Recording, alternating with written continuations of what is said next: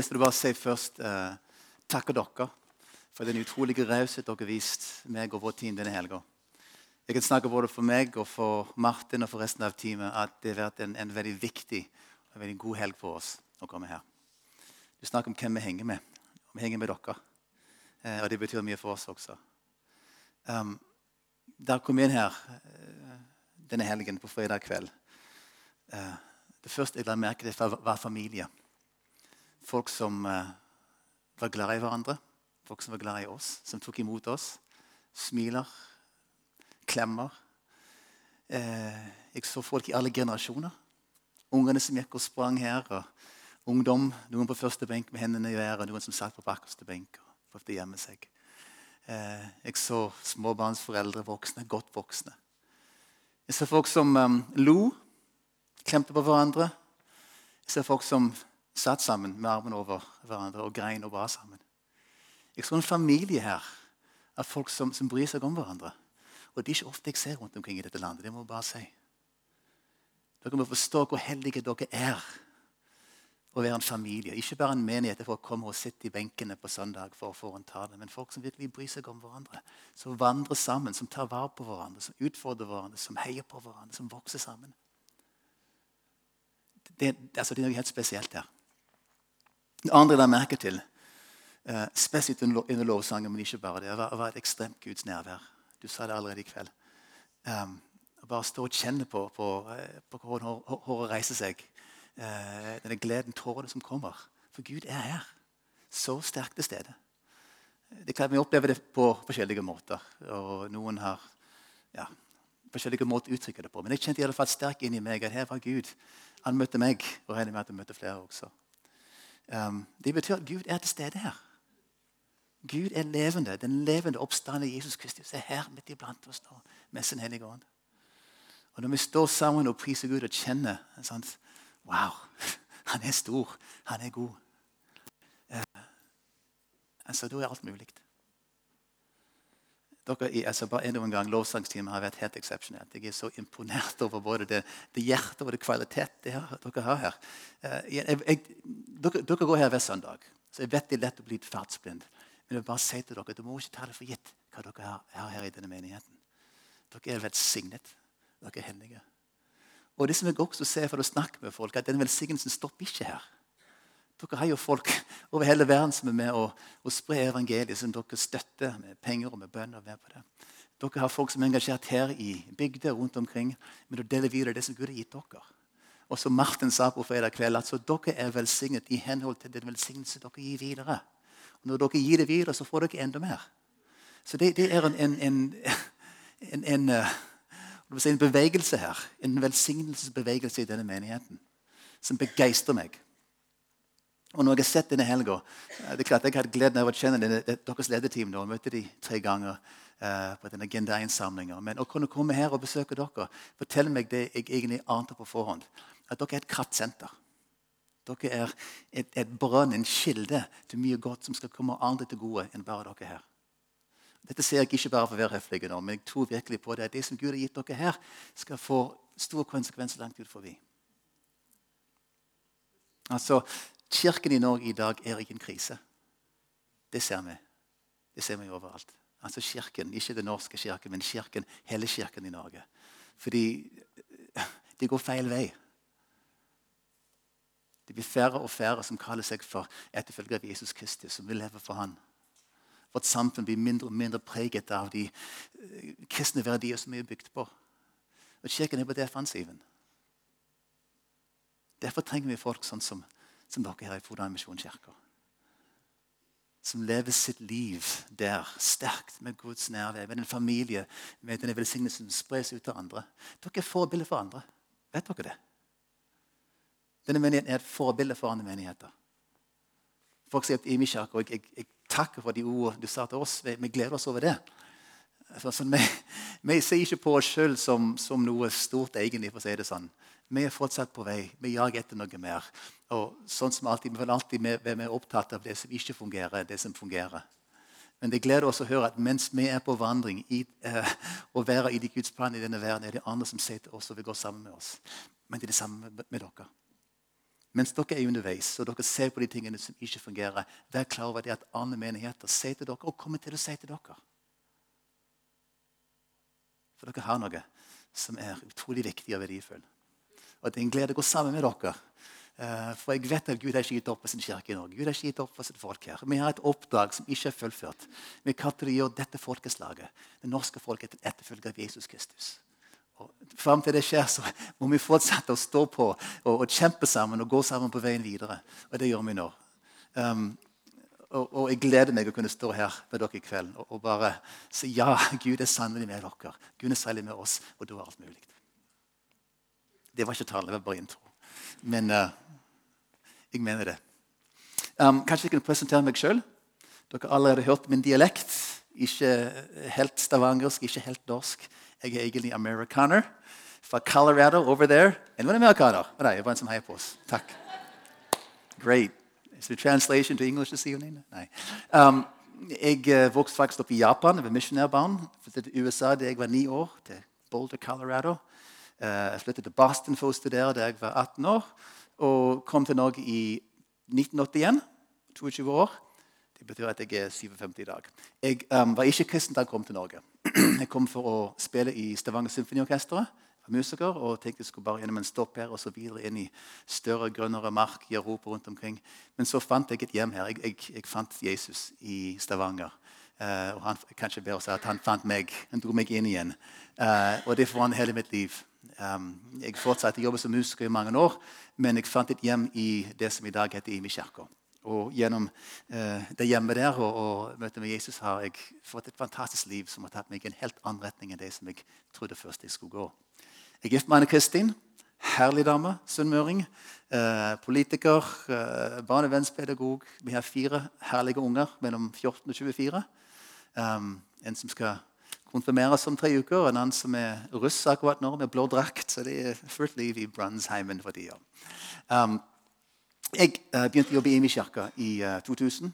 Jeg fikk tilbud fra Martin å, å uh, begynne der på heltid. Så var jeg SARP-jobben og, i orkester og karrieren som musiker og begynte som pastor. Um, I dag leder jeg Agenda 1-nettverk. som du nevnte. Det er et nettverk av menigheter og fellesskap som går sammen for å kunne nå ut til flere. Det som er hjertet i Agenda 1 er at Vi ønsker å nå flere for evangeliet. Og Vi har over 100 menigheter i Norge i dag og enda flere i Sørøst-Asia. Jeg reiste til Kambodsja og Thailand og uh, møtte menigheter og ledere der. Og vi, vi går sammen i en prosess uh, og hjelper hverandre, heier på hverandre, utfordrer hverandre, så vi kan nå enda flere med evangeliet og fullføre det uh, befaling Gud gav oss, Jesus gav oss, og vi gjør alle folkeslag til disipler. Yes. Fortsatt intro. Nå skal jeg snart begynne å preke her.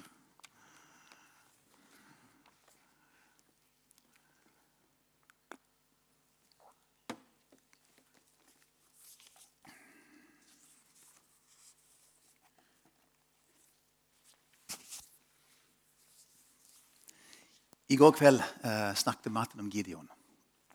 Han snakket om eh, den mannen som hadde så lite tro på seg sjøl og sin stilling. Som Gud kalte til å reise opp et folk for å, å vinne tilbake igjen eh, landet. For å gå inn i det kallet som Gud hadde for dem.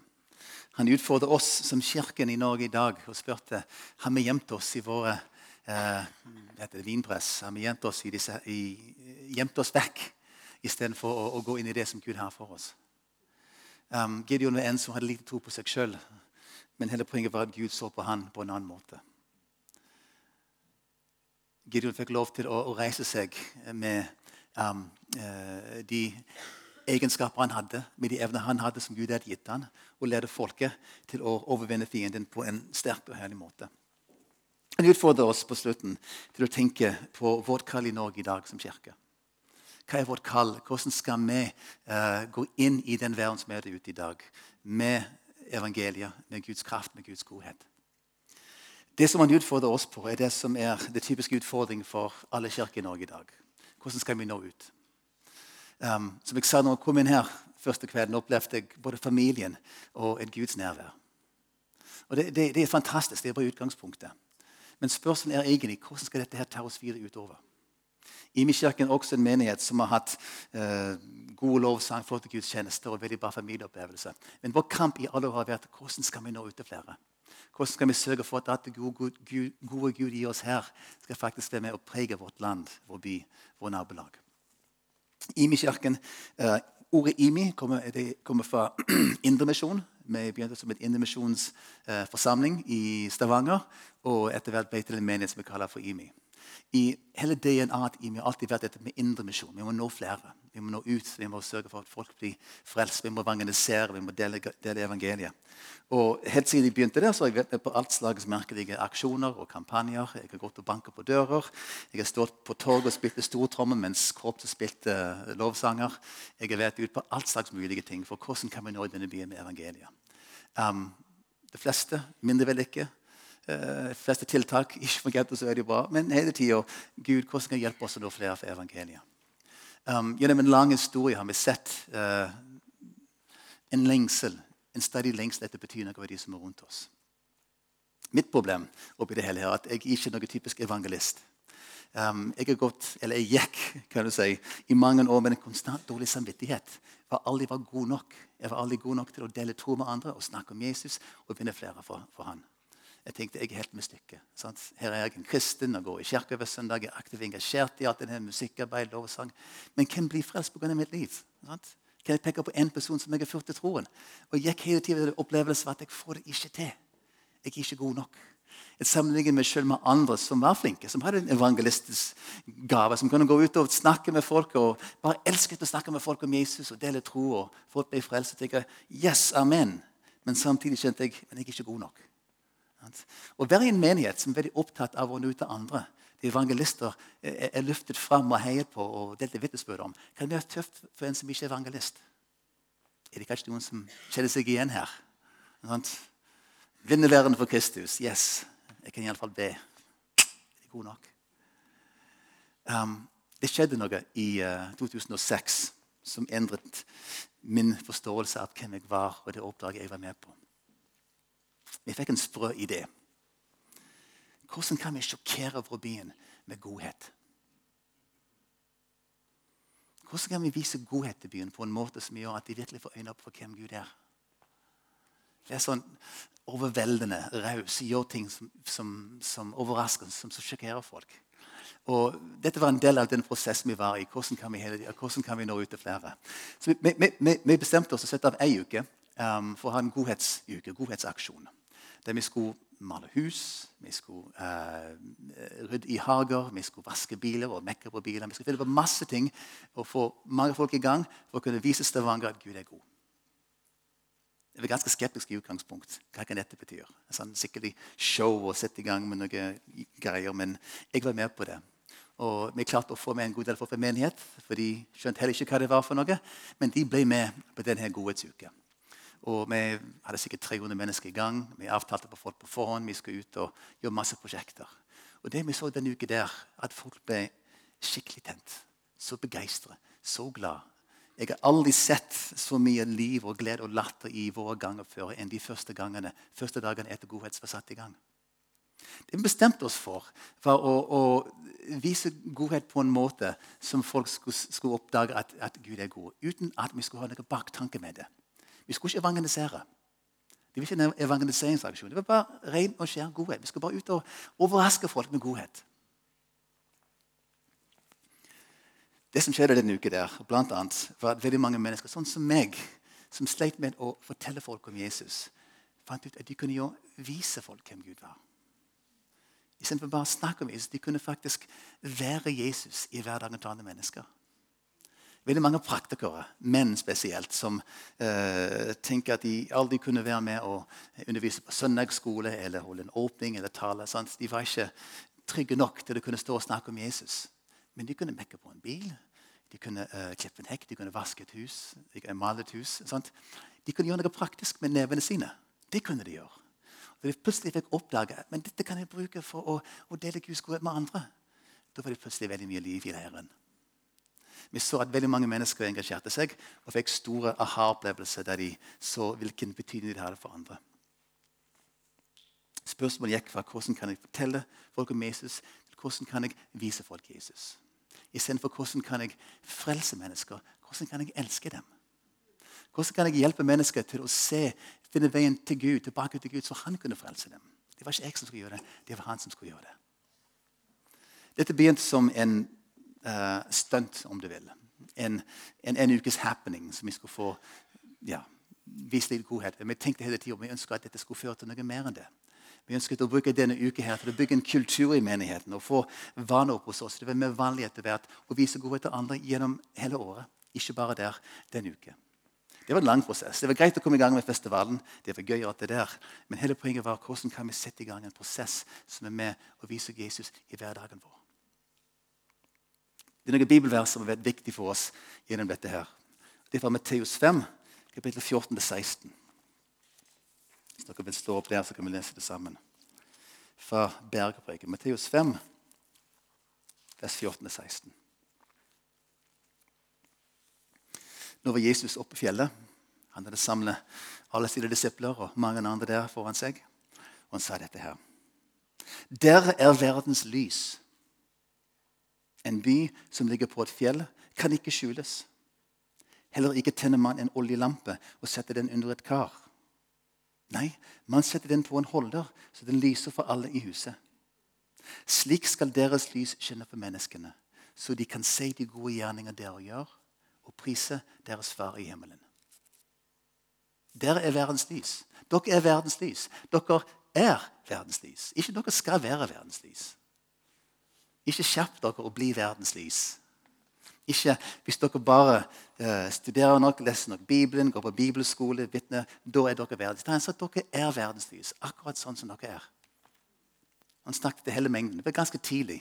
Så her var det folk som ikke skjønte så veldig mye ennå. Men én ting skjønte de de ville følge Jesus.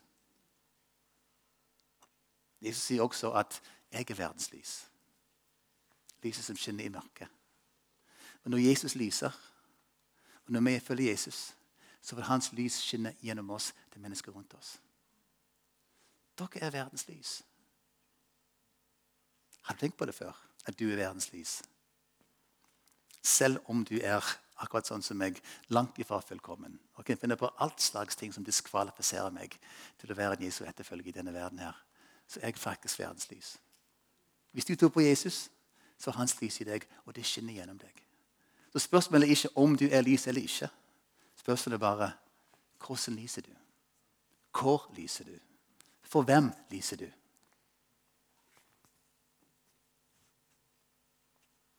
Han snakker om å eh, gjemme lyset sitt under et kar. De brenner fortsatt, men de skjuler ingen andre ser det. Da setter de en stake. Hva betyr det her i Froland? Hvor er karet som vi gjemmer lyset under? Og hvor staken vi setter den på? Altså, det er fantastisk å være i kirka. Det er fantastisk å være her sammen og oppleve Guds nærvær og familien. Men det er faktisk ikke her først og fremst at lyset skal skinne. Det er der ute. Hvor skal lyset skinne?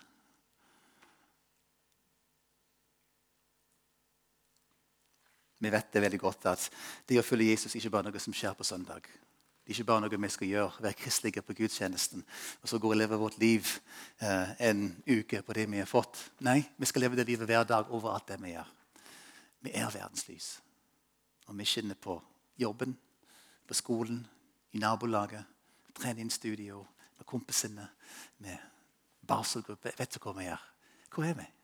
Overalt der vi er, så er vi verdens lys. Vi trenger ikke anstrenge oss til å være der. Et lys skal ikke anstrenge seg for å skinne. Se her. Lyset. Hvor hardt tror du dette lyset jobber nå for, for å skinne? Skinn, skinn, skinn, skinn. Nei. Er det tent? Det bare lyser. Et lys lyser. Det er det som et lys gjør. Det trenger ikke jobbe eller anstrenge seg. Det bare skinner. Det lyser. Det stråler. Fordi de har fått noe. De har fått en kraft. Amen. Ja. Siste verset her. Han sier slik skal deres lys skinne for menneskene, så de kan se de gode gjerninger dere gjør, og prise deres far i himmelen. Så var det det. Fantastisk. Så Det vil si det lyset som skal være der og stråle. Det er fordi vi er der Jesus er i oss. Men de skal se det gjennom våre gode gjerninger. Og prise deres far i himmelen. Jeg vet Gjerninger har fått et dårlig rykte i Kristen-Norge. Jeg vet ikke like mye misjonsforbund som vi gjør i lutherske sammenhenger. Men det er mye snakk opp gjennom sånt, med, med, med tro og gjerninger. Sånt, det er tro som er viktig. Vi må ikke legge for mye vekt på gjerninger nå. Vi skal ikke ha gjerningskristendommen. Og Spesielt på Vestlandet, der jeg kommer fra, der har eh, det vært mye dumt som har skjedd gjennom um, uh, pietisme. Sånn, så Folk i min generasjon har vokst opp og hører at det er synd å gjøre det. og det er synd å gjøre det. Du må ikke gå på kino, du må ikke stikke på søndag. Du må ikke gjøre sånn, du må ikke gjøre sånn. Du må gjøre sånn og sånn og sånn, ikke sånn og sånn. og sånn. sånn. Så Folk er oppflasket med dette her gjerningskristendom.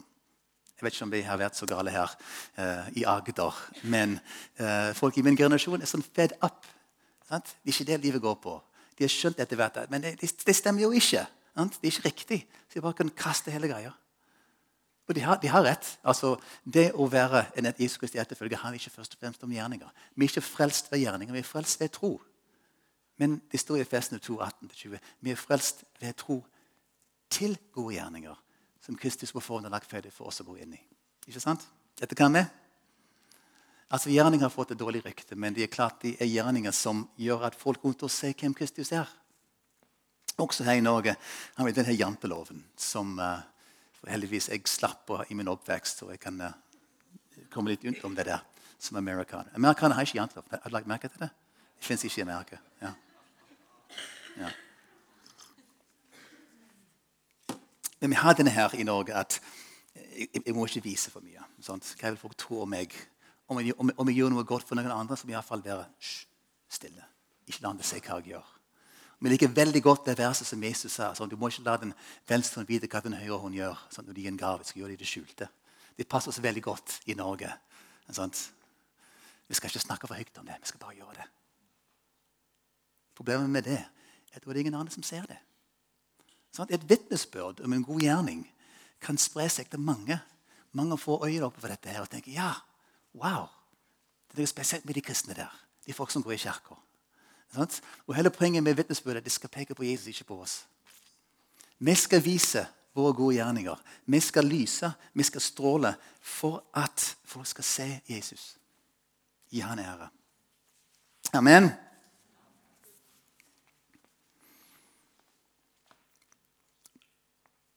Hva er poenget med dette livet?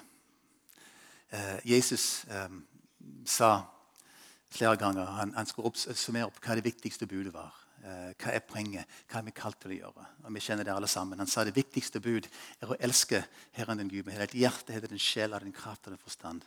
Og det neste er like stort å elske det neste som deg sjøl. På disse to budene ligger alle eh, lovene og profetene. Altså De summerer opp lovene og profetene. Hele budet. Altså Jesus sa at det er kjærlighet som er det viktigste vi gjør. Vi skal elske Gud, vi skal elske våre neste. Kjærligheten. Um, hvordan ser det ut? Hvordan smaker det? Hvordan smaker neste kjærlighet? Vi har en tendens til av og til å åndeliggjøre dette. her. Og tenke på å elske Gud der og ha den tro. og vi kan be for våre naboer. Men, men nestekjærlighet må være konkret. Det må være praktisk. Johannes sier det veldig tydelig i uh, 1. Johannes brev, um, vers, uh, kapittel 3, vers 18. Han sier, 'Mine barn, la oss elske, ikke med tomme ord, men i gjerning og sannhet. La oss elske ikke med tomme ord, men i gjerning og sannhet. Vår kjærlighet skal kunne ses, skal kunne erfares, skal kunne smakes. Det står i Salme 34.: Smak og se at Herren er god. Smak. Erfare. Kjenn. Våre gjerninger, vår godhet, er faktisk det som skal vise Gud, vise mennesker hvem Gud er. Vår neste kjærlighet må kunne ses, må kunne erfares. Derfor er godhet så viktig. Derfor er disse gode gjerninger så viktig at vi gjør. Jeg fortalte denne uken vi begynte i, IMI med godhet, og hvor spennende hvor kjekt det var. Hvor mange erfarte at de kunne først med og, og, og, og, gjøre noe som kunne eh, dele Guds godhet med andre. Alle sånn som meg, som opplevde at de ikke, kunne, ikke var flinke nok til å evangelisere og fortelle om evangeliet, kunne jo vise Guds godhet med dem gjerninger. Men det vi så i etterkant, var at dette begynte å spre seg. Vi snakket mye om det i menigheten og ga folk uh, ideer på hvordan det kunne se ut. Noen av dem som hadde vært på uh, prosjektet hjemme hos folk, valgte å fortsette. Det er veldig mange eldre mennesker som vi møtte, som uh, sleit med store hager og fikk ikke klippet buskene. og De så ganske rotete ut. Og Vi hadde noen grupper som begynte å gå tilbake til dem kanskje hver måned, og hjelpe dem ut. Um, bygge en, en, relasjon med disse folka her. Vi hadde folk som stilte opp og hjalp naboene. Uh, enslige mødre som slet til å få endene til å møtes. Vi skulle hjem til dem og hjelpe dem. Uh, noen skulle hjelpe å bygge sånne, uh, et sånne carport, så vi kunne ha plass til å legge inn barnevogn. og sånne ting. Men det som skjedde at da en gjeng kom hjem for å hjelpe hun dame her, så fikk de bygge en relasjon. Og begynte å komme tilbake igjen uh, og hjelpe. Være barnevakt for denne ungen som hun slet med å ta vare på.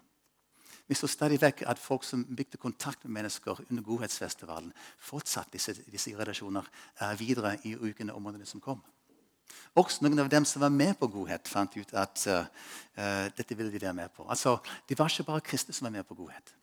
Vi så i løpet av kort tid at folk som ikke var med i menigheten, likte dette her og ville henge seg med på det. Folk som hørte rykter om at de skulle ut og gjøre gode ting, de sa ja, men det, det vil jeg òg være med på. Jan Kenneth, eh, som hadde vært innom Imi-kirka litt sånn tilfeldig eh, på en gudstjeneste. Han var ikke kristen, men han så reklame for godhet. Ja, det vil jeg være med på, sa han. Så han ble med, han, han hengte seg med på en, en cellegruppe med andre menn og var med hele uka og malet hus. I løpet av den uka der så fikk han kontakt med de andre kristne. Jeg begynte å få noen venner der, og de inviterte han tilbake igjen. I løpet av kort tid så hadde han gitt sitt liv til Kristus og begynte å gå i menigheten. Året etterpå reiste han ut til Kambodsja, for han ville vise godhet til folket der. Han var med i flere år, han har faktisk gitt seg med en kambodsjaner. Nå er med i, i menigheten og kjenner tilbake i Stavanger. Vi så mange sånne episoder der, der folk fikk sine liv snudd opp ned pga. godhet. Og det vi så også at etter hvert at Gjennom uker begynte folk å, å, gjøre gode ting for andre. For godhet er noe som er så enkelt for oss å vise. Det er ikke bare gjennom et prosjekt, men det er livsstil. Hva skal vi vise godhet til folk på arbeidsplassen? Kanskje en smil. En ekstra kopp kaffe. Uh, vi hørte i går om hun, Fride Kristine som opplevde at hennes arbeidsplass hun kom inn på en arbeidsplass, Det var så negativt kultur, negativt miljø der. Bestemte seg for å snu det med å begynne å skrive gode ting på små uh, rosa post-it-lapper og legge dem på pulter med sjokolade. Mange sånne små ting som folk begynte å gjøre. Folk fant ut at de kunne eh, stå i køen i butikken, og hvis de, den som foran ikke hadde penger, de kunne betale for dem. Eller kanskje de skulle bare være med og, um, og, og, og spleise på en kopp kaffe. De begynte å gå ned til en kafé i byen, og så eh, de, de, betalte bak disse. Okay, de, de, fem neste kunder som kom inn, skal få gratis kaffe. Her var pengene. Sånt. Og så Folk kom inn og fikk en kopp kaffe og skjønte ikke hva som foregikk. Altså, Hvordan kan vi overraske folk med godhet? Hvordan skal vi gjøre gode, små, gode ting for at folk skal få oppleve at Oi, det var godt. Noen så meg. Noen har merket til meg. Noen ville meg vel. Det var noen innvendinger også, selvfølgelig. Folk tenkte at uh, det er godt nok å bare gjøre godhet. Vi må jo fortelle dem hvem Jesus er. Vi må jo evangelisere. Vi må jo ha en traktat eller noe for å kunne uh, vise dem hvorfor vi gjør dette. her. Bestemte oss fort at nei, nei, vi skal ikke gjøre det. Folk må ikke oppleve seg sjøl som et, et, en, et objekt, evangeliseringsobjekt. Det må ikke være slik at vi gjør godhet for å få noe tilbake igjen. At vi skal hjelpe deg hvis du kommer i kirka. Eller du ser det, hvordan det kan oppfattes. Vi sa til folk at du har ikke lov å fortelle folk at uh, de gjør dette her for at de skal uh, uh, altså på grunn av Jesus, hvis ikke de spør deg. Hvis de spør deg, er det greit. Da deler du et vitnesbyrd med dem. Hvis du spør deg hvorfor de gjør det, kan du fortelle dem at ja, du er kristen, du har opplevd mye godhet og lyst til å gi godhet videre til andre. Men de skal ikke oppleve, seg, oppleve at de er uh, en evangeliseringsobjekt. Da kan folk spørre hva er vitsen da? Det bare står ut masse godhet uten at folk skal vite hvorfor. Jeg skal fortelle dere om, om, om, um, om Gunn. Gunn er en travel småbarnsmor som bor på Sola. Um, de hadde de hadde fire jenter i løpet av sju-åtte år. Travelt liv. Men hun var veldig opptatt av det å kunne være eh, en Jesu etterfølger i sin hverdag. det Hun var Hun var på godhet. Hun eh, var med å hjelpe andre og, og forsto fort at dette ville hun ha som en del av sitt liv. Vi snakket mye om det som sagt i menigheten, så det får bli, bli påvirket av dette her. En dag kom hennes um, femåring hjem fra barnehage og fortalte at faren til en av de andre jentene i barnehage var syk med kreft. De hadde snakket med i barnehagen den dagen der. Hun var veldig lei seg for at hun, hun, tror den kommer til å dø. De snakket om hva de kunne gjøre. De kunne be for han, og det gjorde de. Men så kom de på ideen du kan ikke lage noen boller og gå bort til dem. Bare for å oppmuntre dem. Vise litt godhet i praksis. Så de gjorde det. Bakte noen boller, pakket de inn, gikk gjennom og banket på døra. Gunn var litt uh, Det var litt utfordrende for henne, for hun kjente ikke de folka der. Bare sett jenter i barnehagen. Men de banket på døra og sa hei, vi har hørt at uh, din mann er syk, og vi tenker vi skal bare gjøre noe, en liten oppmuntring. Uh, jeg var noen boller vi bakte. Hun, altså Kona til han som var syk, ble helt rørt og tok imot dem og takket. De begynte å snakke litt fram og tilbake. Um, fortalte hvordan de var. Han gikk på, uh, fikk strålebehandling, var mye syk. Uh, hun måtte ta fri fra jobben. Ungen hadde det travelt med småbarn. Og alt det der, og hun sleit å få ting til å gå i hop. Så tenkte Gunn kanskje vi kan hjelpe, hjelpe, noe mer her. Og Gunn var med i en, en huskirke. Så hun gikk og snakket med de andre mødrene der. Så du kan ikke begynne å lage middag til denne familien. her. Altså, Vi kan lage en turnus. og altså, Hver uke kan, kan en av oss uh, Tre ganger i uka kan vi lage middag. Vi bare tar det på omgang nå. Så disse damene i huskirka bestemte seg. Nå skal vi lage middag denne familien tre ganger i uka nå framover. Ja, så lenge de trenger det. Så begynte på dette her. Kom hjem til dem. Uh, tre ganger i uka med middag på døra til denne familien som uh, sleit med sykdom. Dette gjorde et sterkt inntrykk på dem. Ikke bare på dem, men på storfamilien. Hva slags folk er det som kommer hjem med middag til viltfremmede mennesker tre ganger i uka? Og Gjennom samtalen her så kom det fram at de var kristne. Dette gjorde de fordi eh, de ville dele Guds godhet og vise hans omsorg med de som var der. De snakket om dette her, og det kom fram også at Imi kirke har et helbredelsesrom. At Hver lørdag morgen fra klokka 10 til 12 så har de folk som ber for syke i menigheten. Og han sa ja, men der vil jeg komme. Så de vil med, han og kona. Kom ned. Og han blir bedt for på helbredelsesrommet. Um, han opplevde seg ikke å bli frisk, men han opplevde en veldig sterkt berøring av Guds godhet mens han var der. Han kjente at Gud møtte han og ga han fred. gjorde noe der. Han trodde ikke på Gud, men han fant et eller annet konkret. Han kom tilbake igjen flere uker etter hverandre. Og Etter noen uker så spurte Irene de hadde lyst til å, å ha denne fred konstant. Du kan bare si ja til Jesus. Ikke bare her på helbredelsesrommet, men du kan ha det med deg alltid. Han sa ja, jeg vil ha Jesus i mitt hjerte. Sånn for han tok imot Jesus. Og mor hans, mor, hun gamle mor, var så rørt av dette. Hun òg tok imot Jesus. Kona tok imot Jesus etter hvert. Så gjennom dette her kom en hel familie til tro. Altså, han døde. Han ble ikke, ble ikke friske, dessverre. Selv om vi ba. Og vi trodde at han skulle bli friske. Men hans liv ble forvandlet. Hans familie ble forvandlet. Og hvordan startet det? noen boller. En liten godhetsgjerning. Ser du det? Det står på denne godhetsgreia som små ting gjort i kjærlighet kan forvandle Froland. Og det er helt sant. Små ting gjort i kjærlighet kan forvandle menneskets liv. Og kan forvandle en bygd. Kan forvandle et land. En viktig ting med dette her, at Gunn gikk ikke alene. Hun hadde med seg familien ungene som hjelper, men også de som skal være med i cellegruppen. Så ja, vi kan, vi kan lage middag til dem. Så har du helbredelsesrommet i kirken hun kunne ta den til. Så, så, det at hun gikk ut der og bankte på døren, hadde hun egentlig en hel hær med ressurser bak henne som var med og støtte henne. Så når vi går ut og viser godhet, så er det ikke bare vi. Vi kommer på vegne av en stor familie med masse ressurser og masse hjelp. Jeg vet at Mange mennesker veier seg til å gå inn og hjelpe folk som har store behov, for de er redd for å bli oppslukt og få for mye til å gjøre. Men hvis vi, hvis, hvis vi forstår at det er en familie som deler Guds godhet med andre, ikke bare meg, så det er kanskje lettere å være frimodige.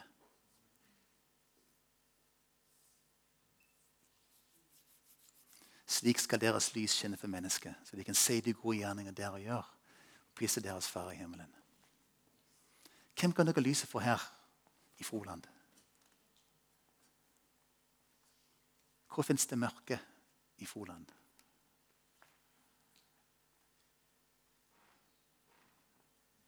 Hvis Jesus hadde kommet til Froland og var her i ei uke, hva hadde han gjort? et lite tankeeksperiment. Hvis Jesus Kristus hadde kommet tilbake og fant at jeg skulle bruke ei uke her i Froland, hva hadde han gjort? Hvor hadde han vært? Hvem hadde han hengt sammen med? Hvor hadde han brukt sin tid? Han, han hadde sikkert vært her på søndag. Det regner jeg med. På første benk. Og priser sin far i himmelen.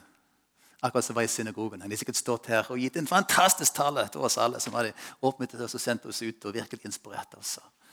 Mange hadde blitt frelst, helt sikkert. Men hvor ellers hadde han vært? På mandag og tirsdag og onsdag og torsdag. Hva Jesus gjorde? Hvem gikk Jesus til da han var på denne kloden? Han gikk til de syke.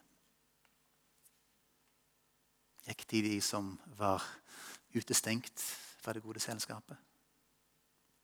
Ehm, de prostituerte. Synderne, tollerne, landssvikerne. Han gikk til uh, samaritanerne.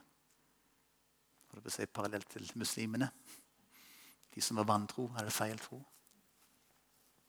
Han gikk til de spedalske som alle andre skulle holde avstand fra. Han var der folket var. Han var lyset som skinte inn i menneskets mørke. Smerte, ensomhet, sykdom. Hvem hadde besøkt i Froland? Hvor fins det ensomhet? Hvor fins det smerte? Hvor fins det mørke? Hvor fins det fortvilelse? Hvor fins det sykdom? Hvor fins det folk som har meldt seg ut eller blir meldt ut av samfunnet?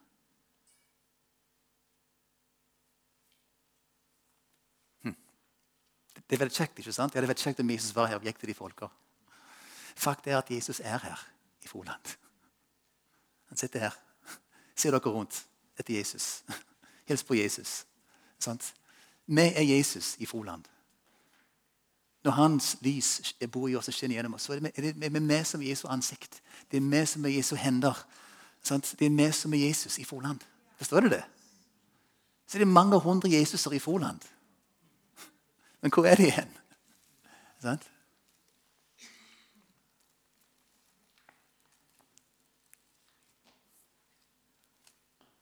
Dette lille lyset mitt det skal skinne klart. Hvor skal det skinne?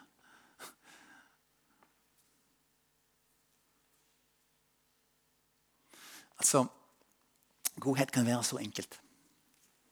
Det kan være smil og vennlige ord. Altså, øh, Ofte um, i Stavanger så uh, prøver vi å stoppe når vi ser uh, innvandrere. Smile til dem og si hei til dem på bussen f.eks. Mange blir sjokkerte fordi de sier at det er ingen som snakker til meg. her. Du er det første hvitmennesket som har sagt til meg på, på tre år. Mange ensomme som sitter i sine hus. Får gjerne besøk av hjemmesykepleien imellom. Kanskje kommer barna på besøk en gang i måneden. Altså, hva, hva, er det disse folka her som trenger lys? Og hvordan kan vi som er lys i verden, lys i Froland, skinne inn i mørket? Jeg er veldig glad for at dere har bestemt seg for å begynne på godhet. Um, og ha denne aksjonen som kommer nå. Og Det blir gøy, det blir spennende. Dere må stå på og gjøre masse kjekke ting. og sjokkere for med godhet. Men ikke la det stoppe der. Hvordan kan hver enkelt av oss følge Jesus i hverdagen til de mennesker som virkelig trenger en oppmuntring? Hvordan kan vi gi en smil, gode ord, um, sende en SMS til noen som trenger en oppmuntring? Hvordan kan vi stille opp og gjøre praktiske godhet? Hjelpe eldre damer med å, å, å klippe eh, hekken eller, eller, eller, plenen? Hvordan kan vi møte de som er syke? Hvordan kan vi møte familier som har opplevd, opplevd kreft? Hvordan kan vi møte enslige mødre? Hvordan kan vi møte mennesker som går gjennom skilsmisse og, og, og separasjon? Hvordan møter vi rusmisbrukere? Jeg forstår De ikke er så synlige her i Froland. Kanskje de er i, liksom skjult bak, bak de lukkede dørene. Men vi som naboer vet hvem de er. Hvordan vi møter de mennesker som er redd for at andre skal, skal oppdage hvem de egentlig er. Sånn hvor er de folka? Hvordan kan vi bare vise dem den enkelte godhet? En smil, gode ord, praktiske hjelp. Vi kan selvfølgelig si ja, vi skal gjerne få til dessert og fortelle om Jesus, men det starter ofte med godhet. Når folk møter din godhet, så er det den som skal drive dem til omvendelse. Det står i Bibelen. For det er Guds godhet som driver oss til omvendelse. Ikke sant? Skjønner det? Så vi trenger ikke at de starter med et bibelvers. Vi kan starte med godhet. Det kan alle sammen gjøre. Hver enkelt av oss kan vise godhet. Om vi er ungdom eller voksne eller gamle. Alle kan vise godhet. Kan ikke bare være litt stille nå. Og, uh, skal vi få litt musikk her? Jeg vil at, at Gud skal, skal, komme nå og, og minne oss på um, de mennesker rundt oss som han ønsker at vi skal vise godhet til. At vi skal oppmuntre, vi skal se. For det er han som vil si disse her. Han må bruke oss til å møte dem der de er. Kjære far. Jeg ber deg som kommer til oss akkurat nå. Og la oss få se mennesker rundt oss slik som du ser dem. Og du minner oss konkret på mennesker som trenger en håndsrekning fra deg. Enten det er uh, sykdom eller ensomhet. Om det er fremmede som har kommet her da, og ikke kjenner folk. Om det er ungdom som uh, sliter med å tro på seg sjøl. Om det er folk som sliter i samlivet. Gud, du sier hvem det er. Mennesker som ikke kjenner deg. som har en lengsel etter å komme hjem til deg og til familien. Men hvem er det? Må du vise oss nå hvem du vil at vi skal dele din godhet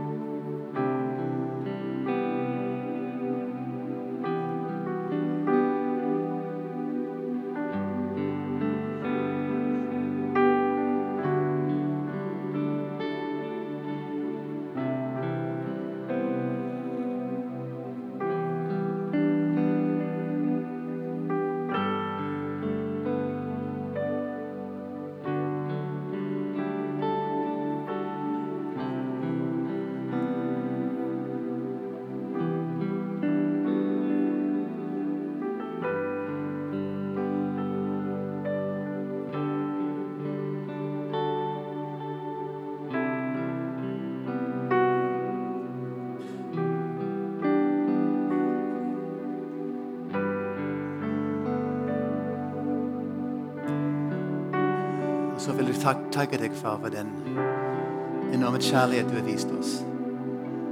At du ga ditt liv for oss, selv om vi ikke har fortjent det. Du viste din nåde til oss for akkurat sånn som du er. Så for la oss forstå at det er den kjærlighet du har vist oss, som vi skal gi videre. Den samme kjærlighet som har sprengt grenser i våre liv, skal vi få lov dele med andre, slik at jeg kan springe i deres liv også.